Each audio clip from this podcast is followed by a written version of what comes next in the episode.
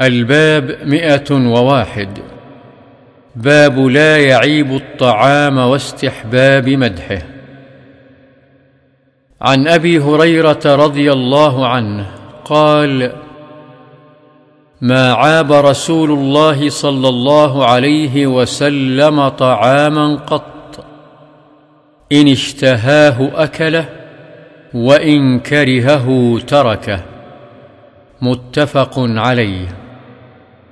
وعن جابر رضي الله عنه أن النبي صلى الله عليه وسلم سأل أهله الأدم فقالوا ما عندنا إلا خل فدعا به فجعل يأكل ويقول نعم الأدم الخل نعم الأدم الخل رواه مسلم.